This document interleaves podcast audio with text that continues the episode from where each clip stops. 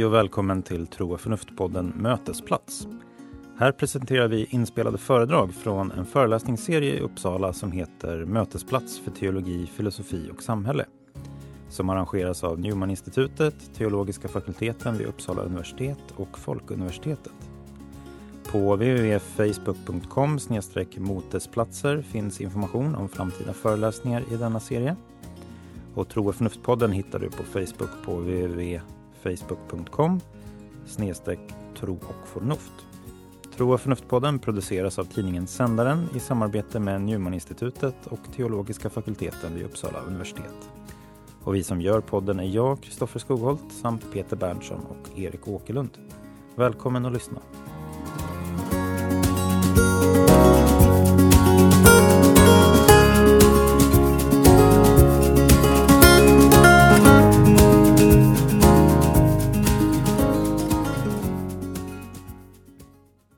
Finns ingen synd, lyder en välkänd replik i filmen Så som i himmelen.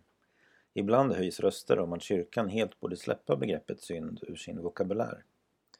Och det är sant att ibland har själva talet om synden blivit mer destruktivt än de synder man velat varna för. Det gäller väl inte minst för de frikyrkliga syndakatalogerna som lätt kunde generera en ängslig självobservation snarare än en förmåga att ta ansvar för sitt liv och sina handlingar. Men synden är en allmänmänsklig erfarenhet som vi måste förhålla oss till och då behöver vi också ett språk för denna verklighet och för försoningen från den som i kristen teologi kommer genom ett möte med Gud. I det här föredraget av Nicolas Wandinger, professor i systematisk teologi vid universitetet i Innsbruck, diskuterar Wandinger vad synd är i, i ett bibliskt perspektiv och vad begreppet arvsynd egentligen försöker peka ut.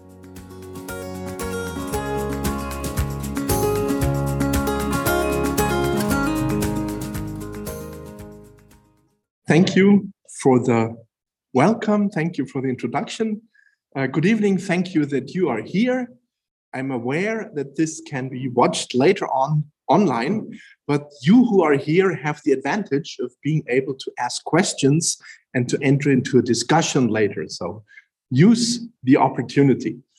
Um, as, as Christopher said, I am from, coming from Innsbruck, though I actually stem from Germany, from southern Germany. Uh, I live now in Austria, in Innsbruck. Um, and here, those pictures actually are in the middle, the building of the theological faculty in Innsbruck, on the left hand side, part of that building, and the Jesuit church in Innsbruck. And here, of course, the library. So uh, I am here with an Erasmus teacher exchange program, but there is also the possibility of a student exchange between the uh, institute here, the Newman Institute, and the theological faculty in Innsbruck. So maybe some of you want to go to the mountains and come to us. That was the advertisement at the beginning. But now let us get to the difficult topic. Should we talk about sin at all? And can sin be original for many, sin is a contaminated concept. For centuries, it seems preachers in the Catholic as well as in Protestant churches have used the concept of sin to intimidate believers, frighten them of hell, and make them the more subservient to instructions by the church's power elite. The common area of this certainly was sexual morality, where the church seemed to be most restrictive while sexuality is one of the most intensive and existential drives of human persons. If you succeed in controlling this aspect, you control the person. Over time, however, the church has lost this type of control, but the residue still remains today. This is, in a, in a way, expressed in a very popular song from 1987 by the pop group the Pet Shop Boys. The song is called It's a Sin. And the singer confesses everything I long to do, no matter when or where or who, has one thing in common too it's a sin. We can listen to a short excerpt from that. The lyrics themselves do not pinpoint certain behaviors as sinful, so the whole range of possible missteps is included. Yet when one knows that both members of the pop duo are gay and that the author of the song, Neil Tennant, was raised in strict Catholic schools, one sees here probably too sexuality was the exemplary case in mind. Well, when seeking a topic for this evening, I have set myself the task of arguing the case for keeping the concept of sin, and now I will have to try to live up to it. I do think that the concept of sin is theologically viable and it is necessary, but it needs to be freed from a moralistic or a legalistic reduction. And then I would argue it can be helpful for a spirituality of Christian discipleship. So I want to try a different approach. And although I am a systematic, even a dogmatic theologian, I think we cannot overcome the aberrations in dealing with sin unless we look into the New Testament and especially at the way Jesus dealt with sin.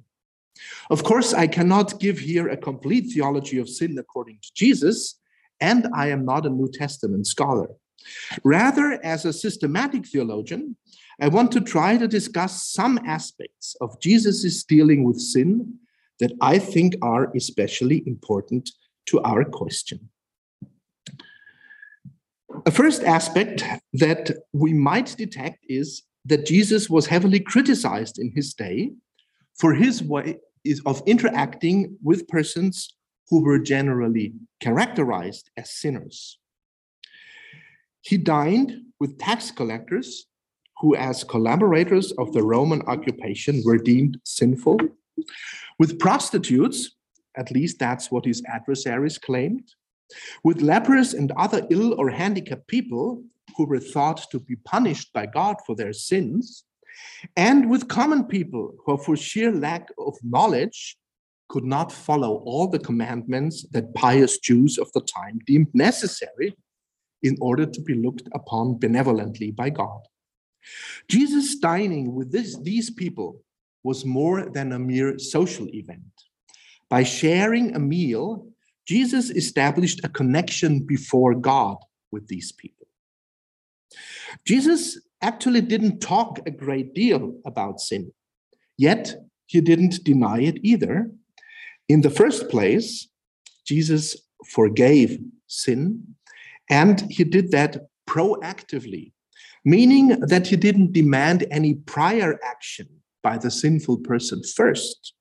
The initiative was his, and he interpreted that also as God's initiative. He claimed to act in the person uh, in place of God. So when Jesus establishes a connection with people who are seen as sinners, he basically establishes God's connection with these people. Some New Testament scholars even argue that, quote, Jesus broke with the religious thinking of Israel to the extent that with him salvation and repentance exchanged places.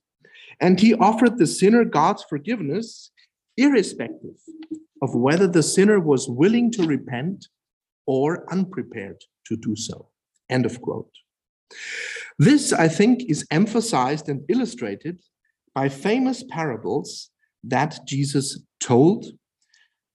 Namely, on the one hand, the parable of the prodigal son is the traditional name of it. It's probably more aptly named the parable of the merciful father. Um, and by Jesus meeting uh, the tax collector Zacchaeus. I hope you can all connect something with these uh, Bible passages. I will not relate them here in detail, just to give a little reminder.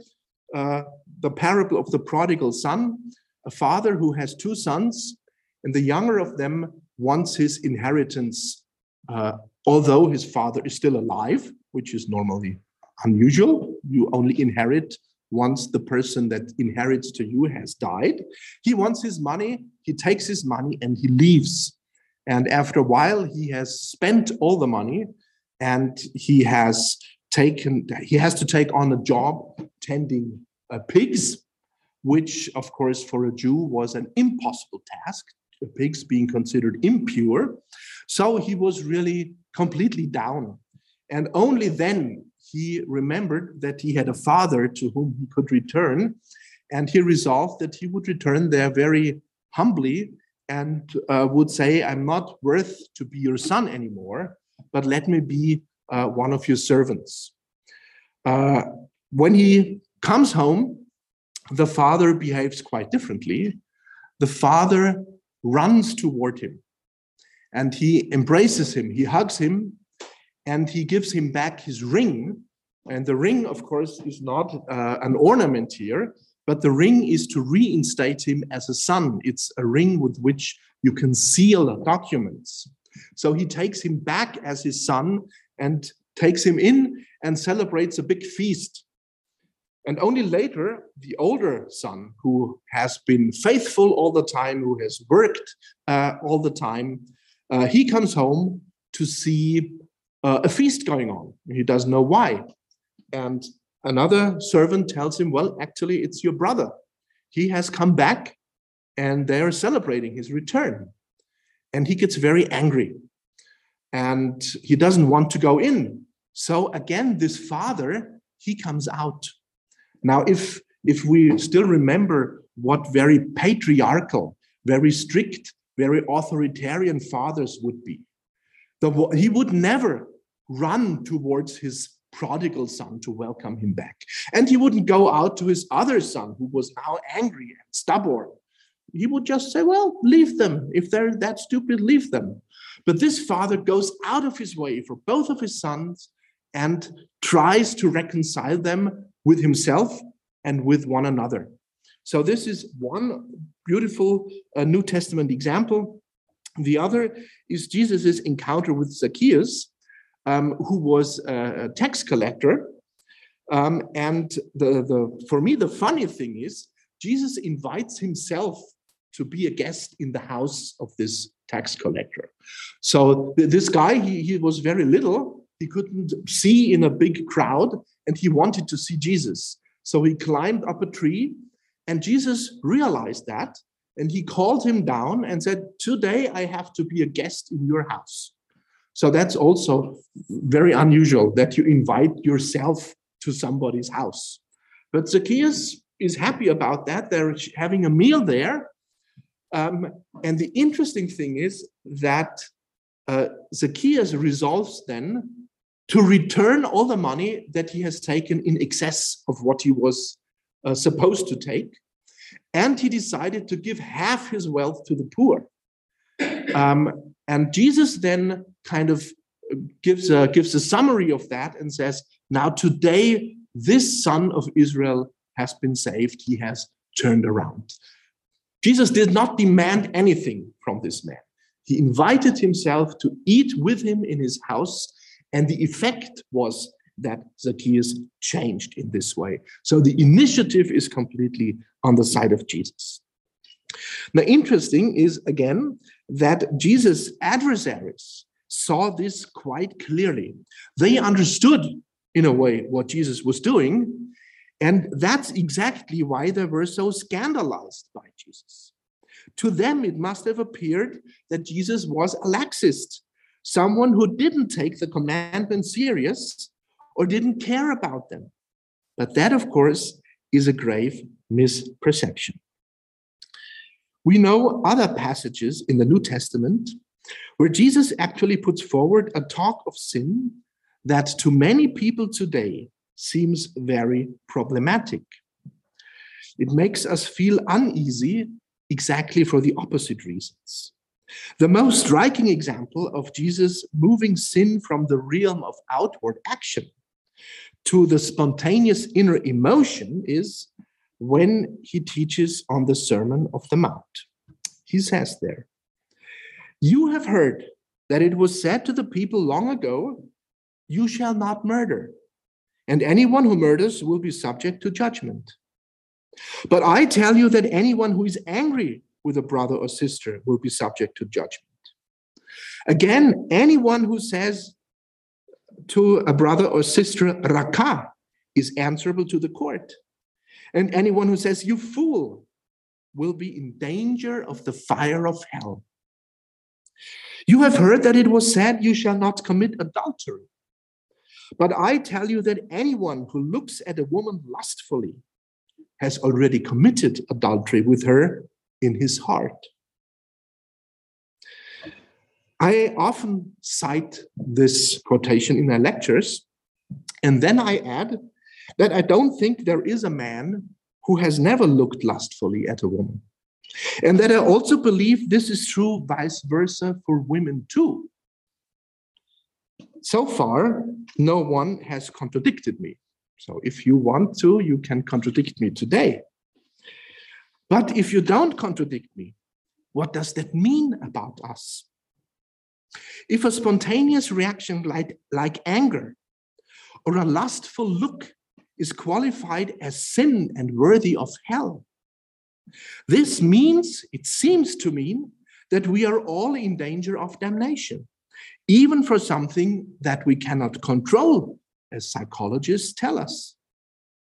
Passages like these certainly have contributed to, sup to suppressive ecclesial moralizing, and as a consequence, also to the resistance against sin talk in general.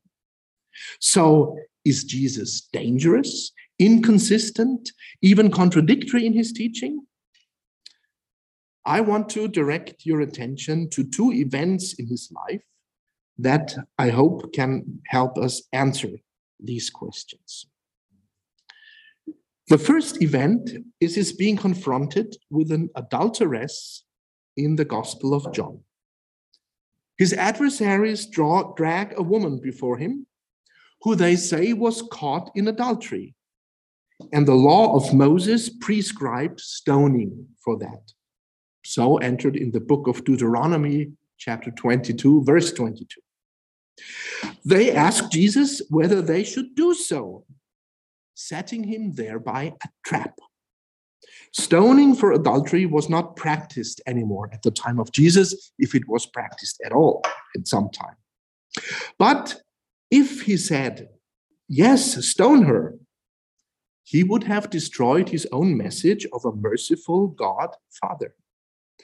If he had forbidden to stone her, he would have directly contradicted the law. So, either way, he would have discredited or even endangered himself. Jesus' reaction to that occurs in three stages. In the first stage,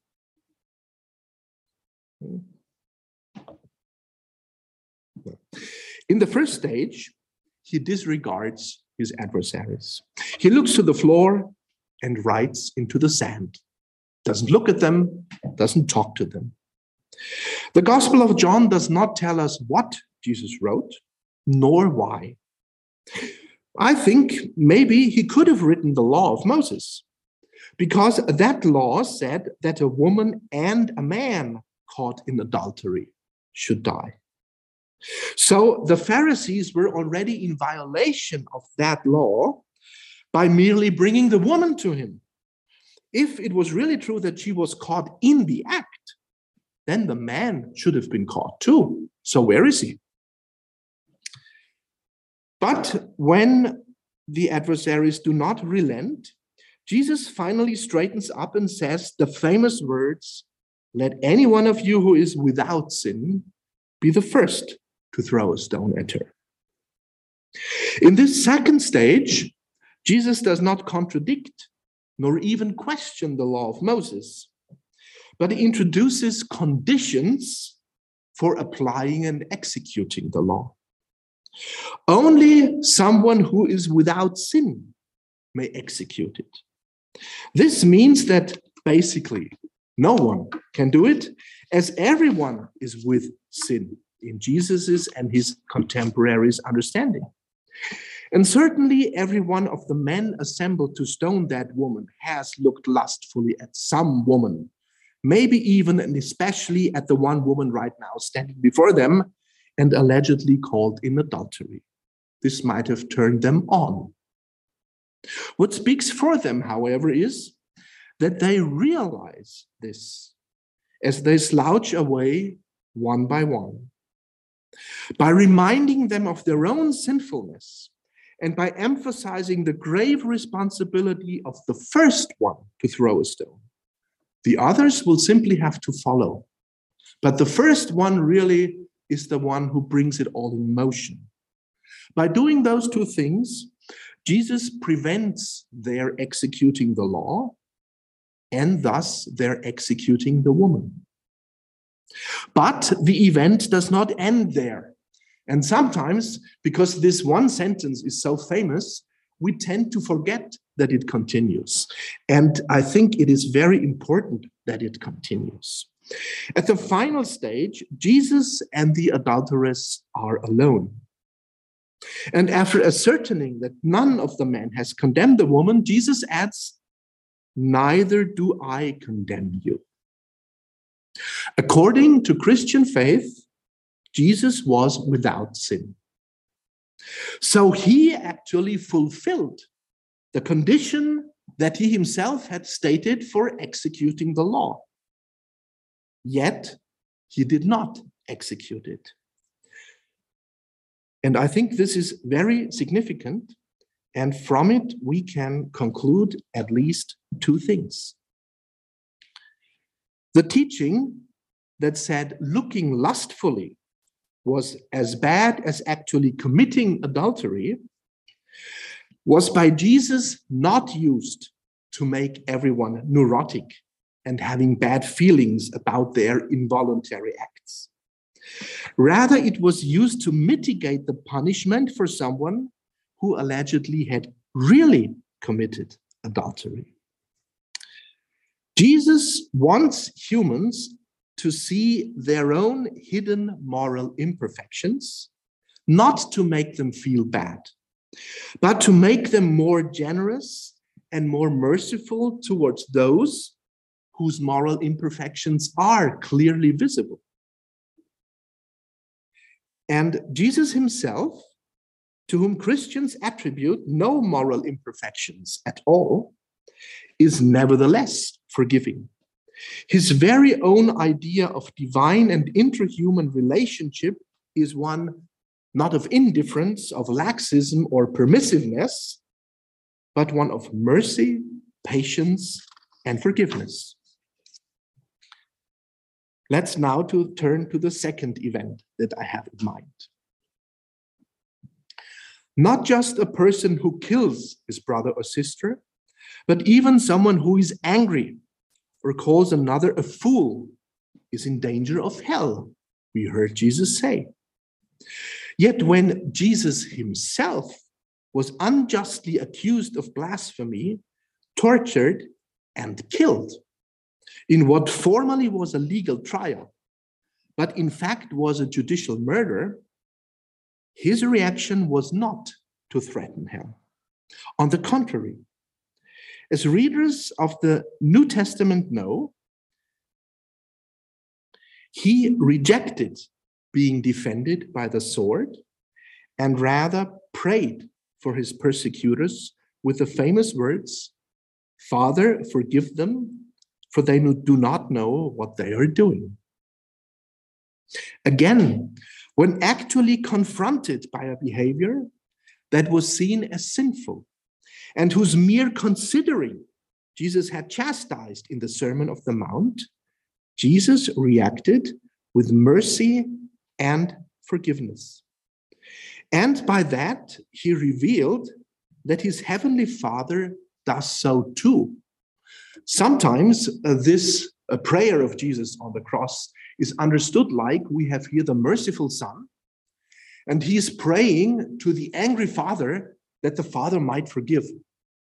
But if we understand it that way, we are actually saying that there is a chasm between what, what Jesus wants and what the Father wants.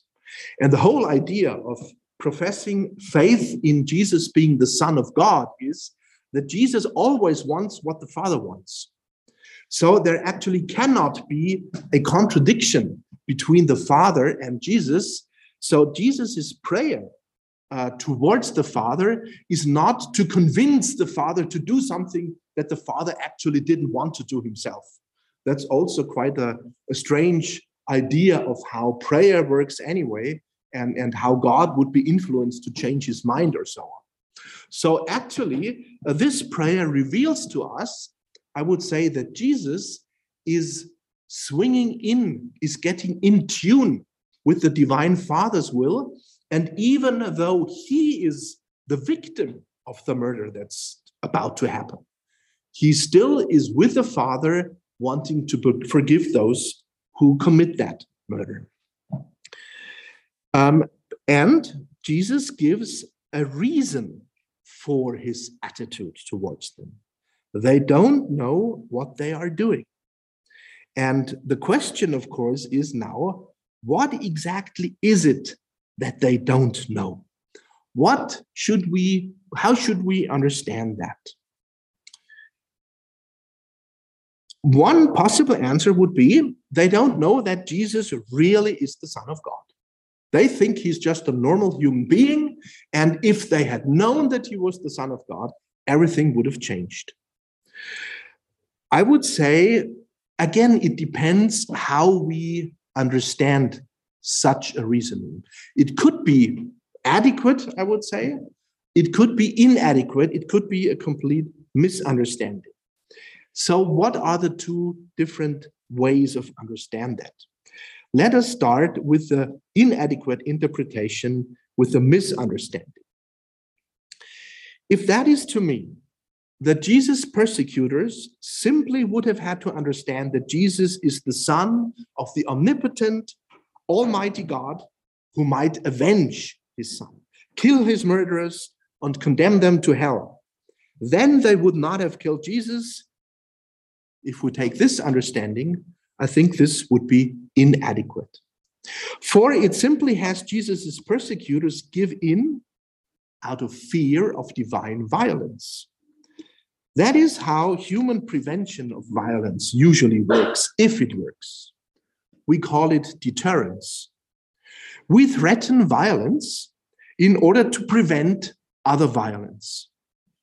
And of course, sadly, right now, with the war in Ukraine, we experience a new actuality and vitality of that thinking. And we must say uh, the deterrence uh, against invading Ukraine was not credible for Russia, for President Putin. Otherwise, he probably wouldn't have started that war. And I know your country, your government, right yesterday has decided that Sweden wants to join NATO. Um, NATO is a, a, a, treaty organization, a defense organization that works with, with deterrence. So actually, um, we work a lot with deterrence. And maybe that's one reason why this seems so easily plausible that it's the same with God. But actually, um, Jesus didn't teach and experience his God that way at all. How Jesus talks of his Father, he's not a Father, not a God threatening violence in order to deter or to move people to something. So, how could this interpretation then be viable? Uh, what is it that the people couldn't have been known? Yes, it is about Jesus being the Son of God. But if understanding that Jesus is the Son of God means understanding not just in one's head, but also in one's heart, that God is exactly like Jesus, as benevolent, as patient, as non-violent, as merciful, as forgiving as Jesus was, then it becomes clear that one never has to kill a human person because of an alleged blasphemy or of anything sin against God. Then it becomes clear that killing Jesus means rejecting the divine mercy that could save oneself. And it might even become clear that the accusation against Jesus, that he was making himself to be like God, is exactly what a court does that condemns someone to death in the name of God. So, in a certain way, the accusation leveled against Jesus was actually exactly what those who accused him were doing themselves. They were projecting onto him what they were actually about to do. The humans involved in Jesus' execution did not know what they were doing, because they were completely wrong in their idea of God and in their self assessment, what their true, yet at least partly unconscious motives were.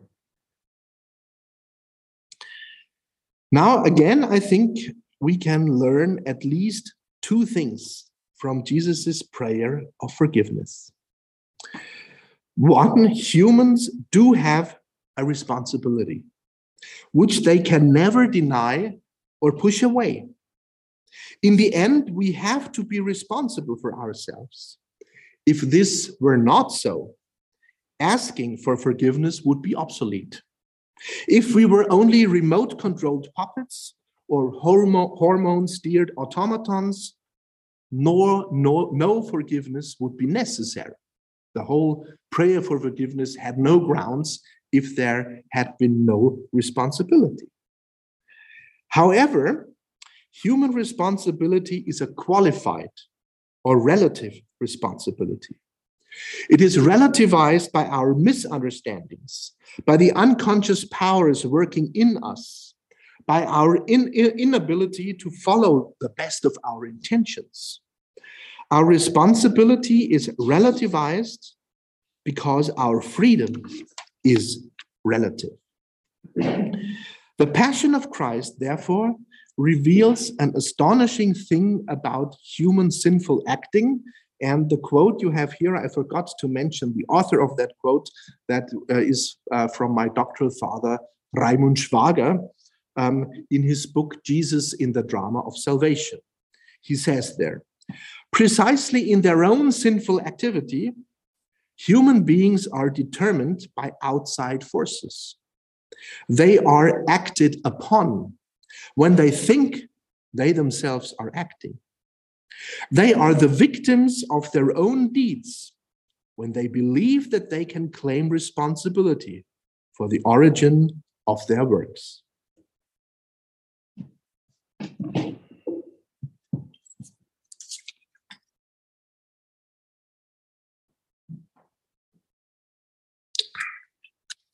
Now let us see what consequences a few other New Testament passages draw from that Again, um, I cannot give a real overview here. Time is too short.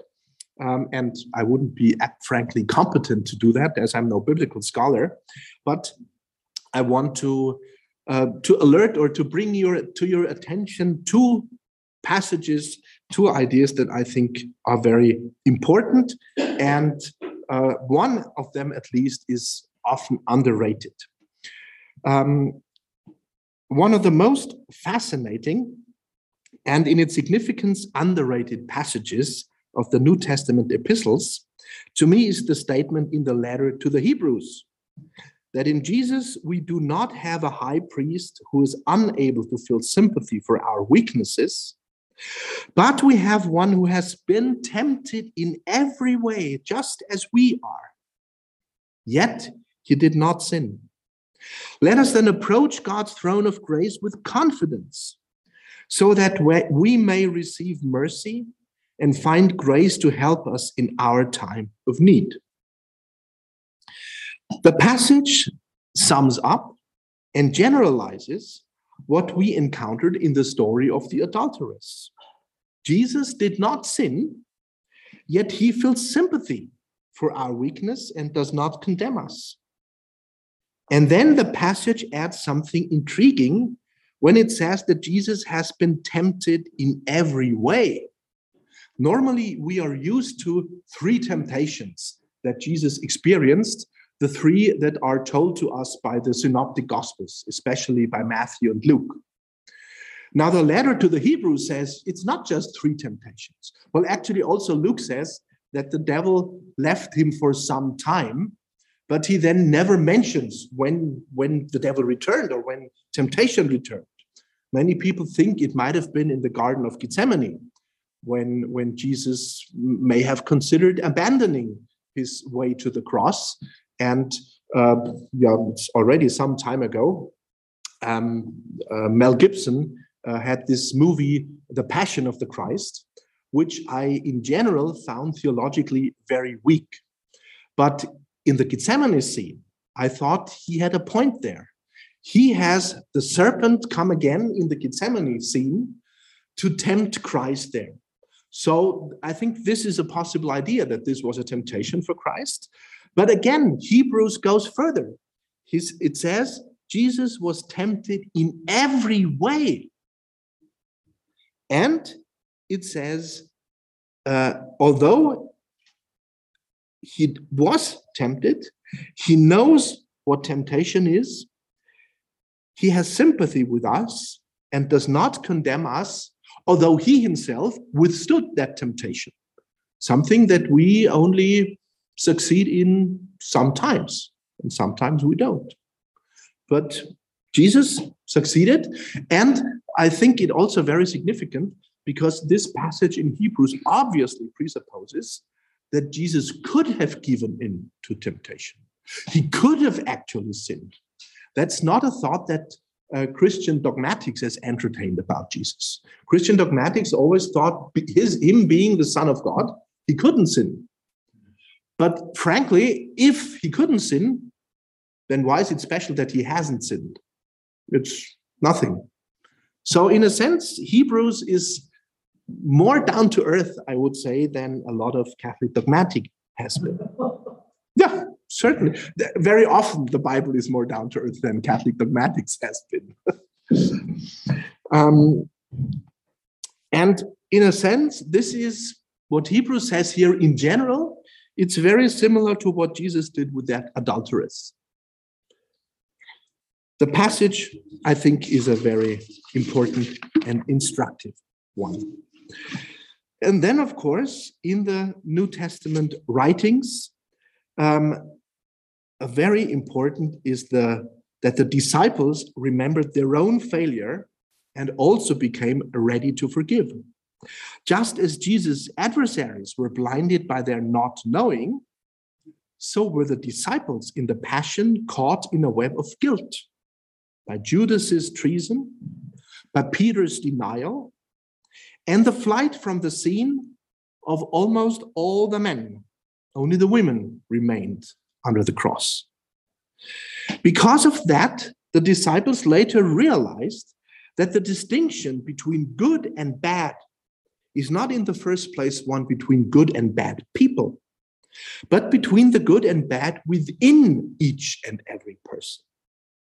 When Peter told the people gathered in Jerusalem at Pentecost that they had crucified the one sent by God, um, and when these people were cut to the heart by Peter's talk and asked him what they should do, Peter replies that they should repent and be baptized.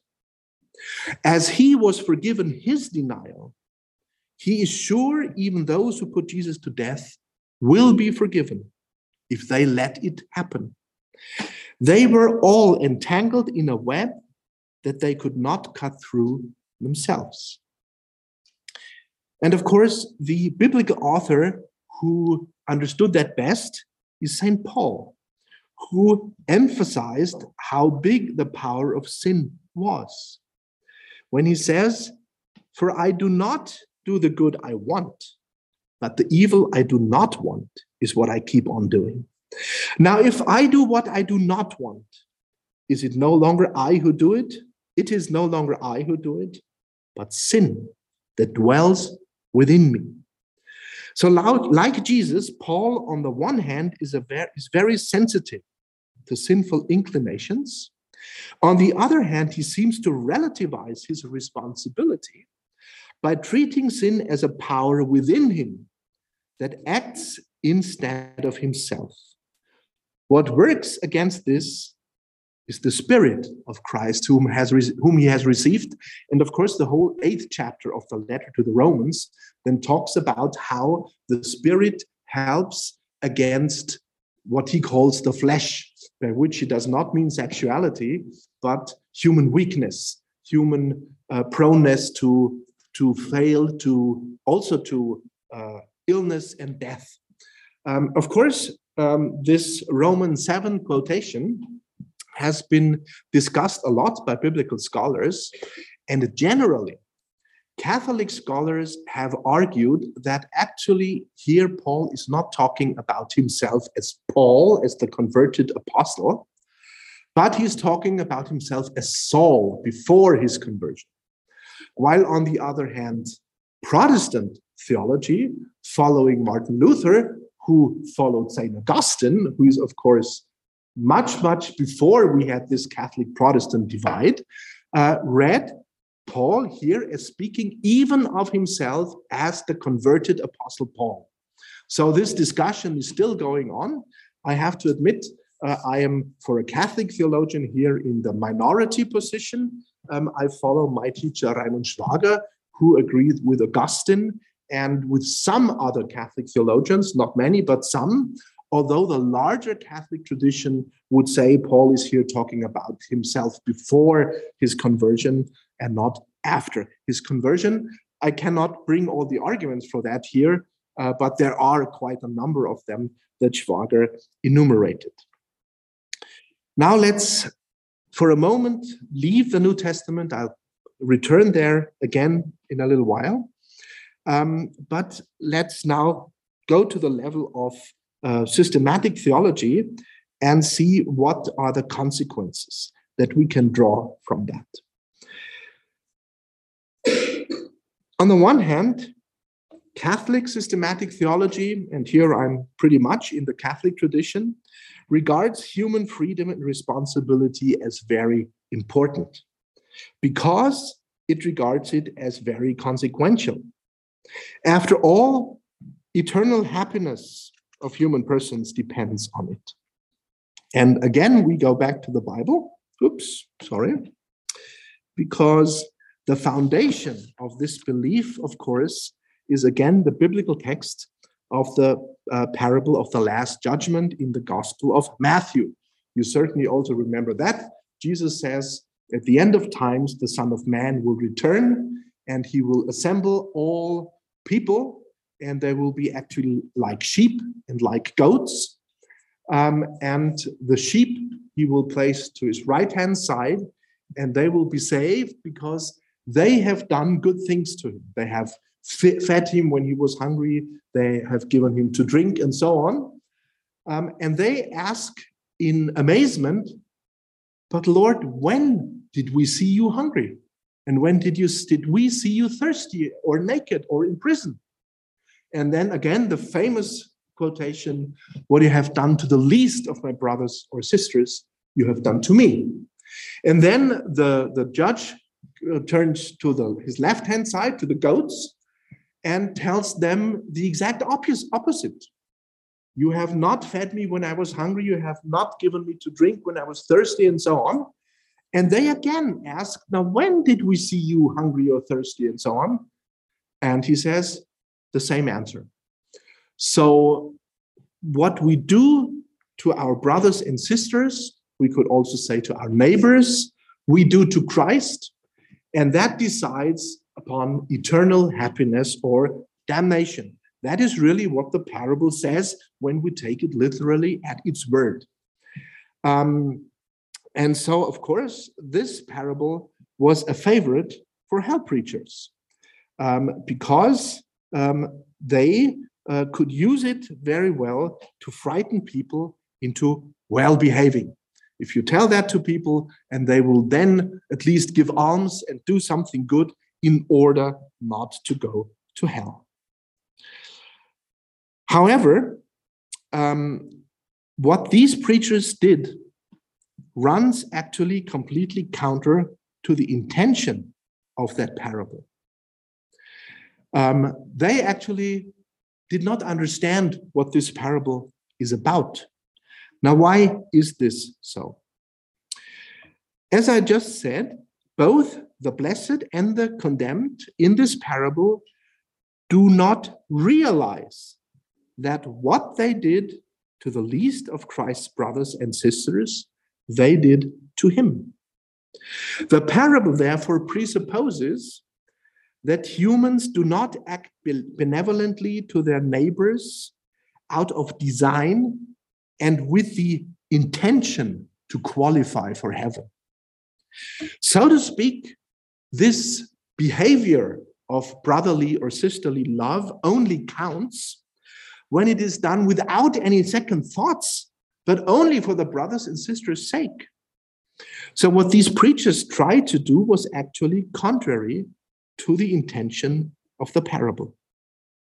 Secondly, if what we realized earlier on is true, namely that the boundary between good and bad cuts through every person, then the sheep and the goats in the parable will not stand for different groups of people, but they will stand for the sheep like and the goat like in everyone but Jesus. Every human person, Catholic dogmatic would say, except Jesus and his mother, but every other human person has a sinful side to themselves uh, and hopefully also a good side. So the suggestion is to read that parable not as dividing people into two groups, but uh, taking into account or maybe transforming that parable uh, because of the passion and resurrection of Christ to see because we we realize that intermixedness uh, in the passion uh, that it stands actually for two um, aspects within people. What remains, though, is that indeed the loving or neglect, neglectful behavior towards their neighbors is decisive for the final salvation or damnation of human persons. And what I also find interesting, although I wouldn't place a great deal on it, but it's quite interesting, uh, Jesus does not mention doing bad things to your brothers and sisters. He mentions doing good things and refusing to do good things. But he doesn't even mention doing bad things like killing or raping or stealing or whatever. It's doing good things or not doing good things quite quite strong actually. Um, so what remains that the loving behavior is or neglectful behavior is decisive for the final salvation of humans. This decisiveness can, however, not be explained in a heteronomous way. That means that human heteronomous would mean that humans either follow or do not follow God's commands, and as a consequence, they get rewarded or punished. It's like children that get some uh, orders from their parents and they don't understand why they should do that. They just they should obey. You obey. Obeying without understanding would be heteronomous way. Um, and I think if we understood that in that way, we would misconstrue the relationship that God wants with us. God wants to enter into a relationship with us. And of course, the Bible has quite a variety of images for this relationship. And of course, there is the image of Lord and slave, uh, or the image of parent and child. We have many, many images. But I think in Jesus' message, the language of love and friendship takes precedence. So actually Jesus wants us to enter into a relationship with God uh, that is, as strangely as that sounds, via the Almighty, omnipotent God, that is on the same level. He wants us to be partners with this God, not subservient uh, servants. Uh, so Jesus offers us a relationship of loving friendship or a love and friendship with God. And he himself inaugurates this friendship by actually by acting accordingly. Human persons are invited and urged to accept this friendship and respond accordingly. The task is not to make God benevolent or friendly by behaving well. The challenge, and it is indeed a challenge, is to respond adequately to a benevolent and loving God who has already given his everything for the love of us. We do not have to assuage God to make him friendly. Our challenge is to become as loving and as caring as God has been all along. And therefore, 20th century has argued that if there should be such a situation as eternal damnation, it is not God, not the God of Christ, the one who even forgave his murderers, who condemns people into hell. It is the people who condemn themselves by finally and irrevocably rejecting God's offer of, of forgiveness, thereby making reconciliation impossible. And strangely, I think this can again be illustrated with the wonderful parable of the merciful father. We heard that when the prodigal son comes home, his older brother becomes angry because there is this feast going on. And his father uh, goes out and wants him to come in to celebrate with him. And interestingly, the parable ends before the older brother has made a decision. The end of the parable is the father going out, trying to convince the older son to come in. Now, what would happen if the older son irrevocably refuses to go in. He would exclude himself from that feast. And if that feast were the heavenly wedding banquet of which Jesus talks so often, he would condemn himself for eternity to not be in that banquet. And that already would amount to hell. He would, there is no action by God needed to condemn someone to hell. The action that takes someone to hell is their self exclusion from the feast uh, that God prepares. And of course, I don't want to be misunderstood. Um, it's not simply saying, okay, then I go in. Well, it's better in heaven than in hell. Uh, being able to enter, of course, means making one's peace with those who are already at that feast. I can't go in and still be angry with my brother and say, I don't want to talk to you and I don't want to know you anymore because you went away, but I want to eat the, the, the, the, good calf, the, the veal that was so well prepared also.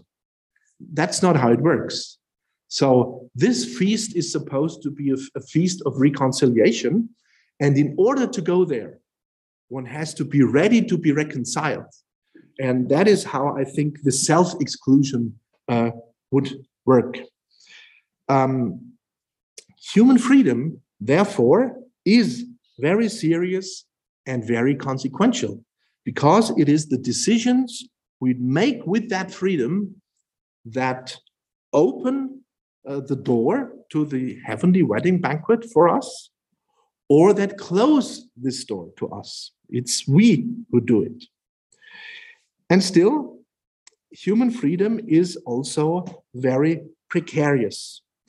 We should take seriously what we heard about the precariousness and relativity of human freedom.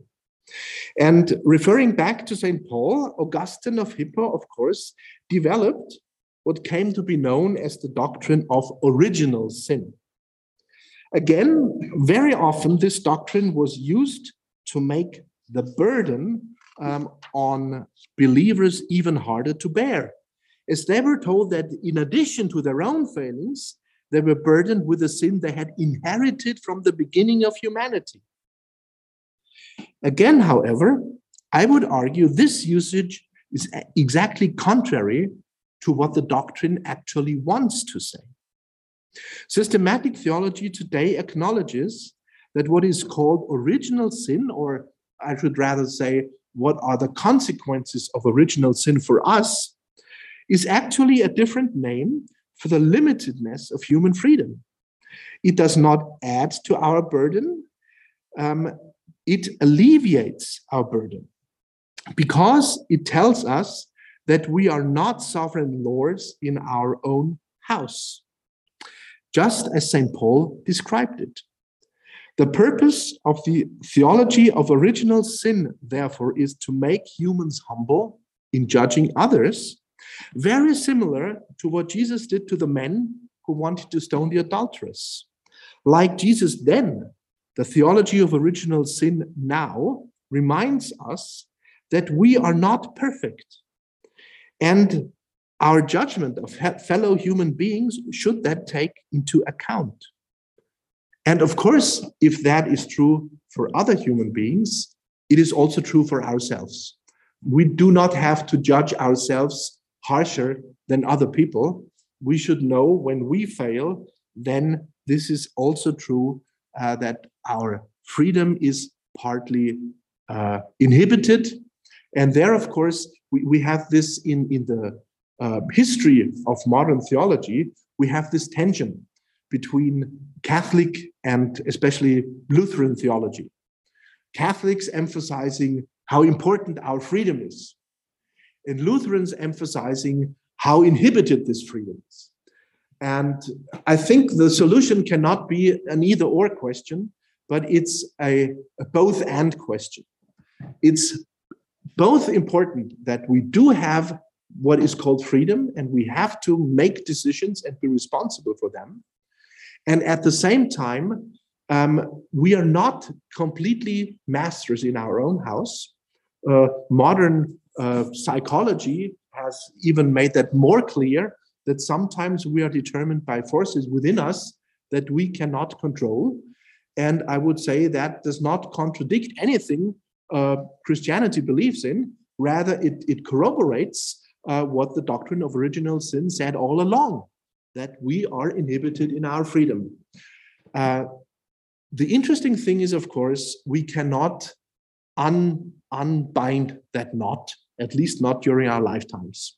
So, again, here I would say we can, of course, uh, get a, an idea of where we were free and where we were inhibited. Uh, but the last judgment about that is really a prerogative of God who knows us better than we know ourselves. And so, in that sense, I would say the idea of the last judgment is important because at that judgment, we will realize um, how our freedom and how the inhibition of our freedom were intertwined. And we will see that, of course, with other people as well. But I'm moving a little ahead. Uh, yeah, I talked already for almost an hour. I'm coming to the final final pages. Um, the human relationship to God. I would argue that sin is an important concept of human self-reflection. It should be freed um, of the narrowness of a subservient, infantile, more infantile than grown-up moralism, and should be seen as an indicator of our love towards God, which helps us to see ourselves realistically. Um, yes, I'm skipping a little bit, maybe. Um,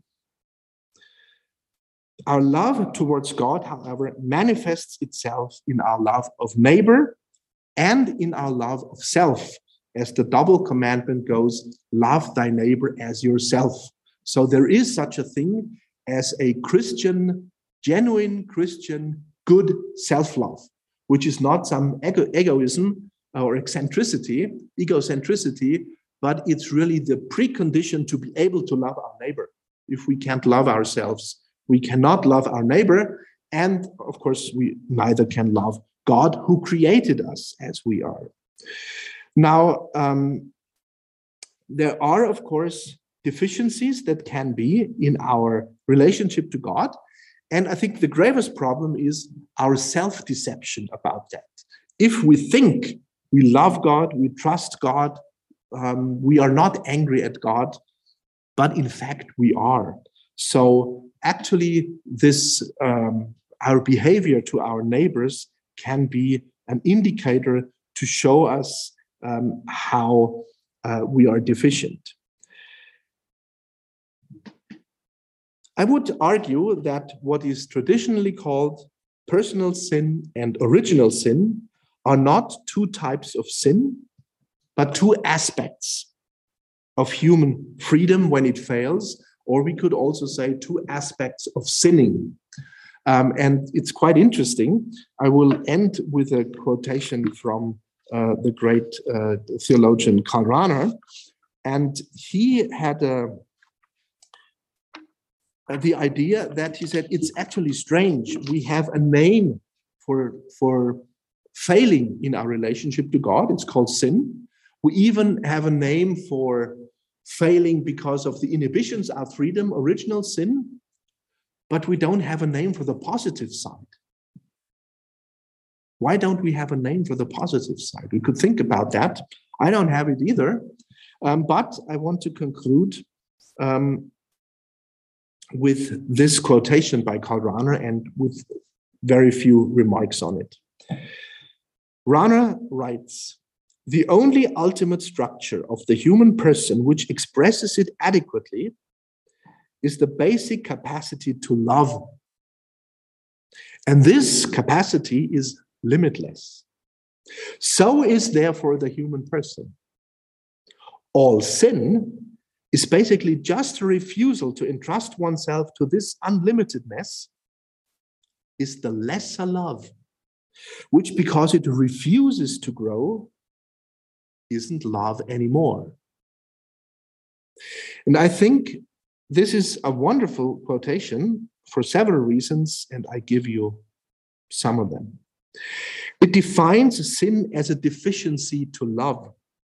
Therefore, it is free from any moralistic touch and is speaking in relational terms.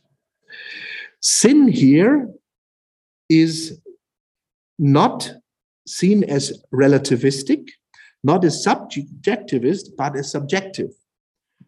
What do I mean by that? If it is dependent on my love, that's something subjective. I am the subject that has a larger or a smaller love to different persons. But it is, in another sense, objective. If I have this love, I actually have it. It's not an illusion, it's not just a thought. It's really the love that I have or that I don't have. So, in that sense, it is objective, but it's related to the subject, it comes from the subject. Even more important, it views sin as dynamic, allowing for a spirituality of being on the way. Sin is not a fixed act in this quotation, but sinning moves on a scale that is inverse to our loving. To me, this is very comforting. I know that I do have some love at the same time, I know that my love is very limited. Sometimes this limitation might be because I refuse to grow in love. Sometimes, however, it might be because right now I am unable to grow further, but I might be able to grow in the future.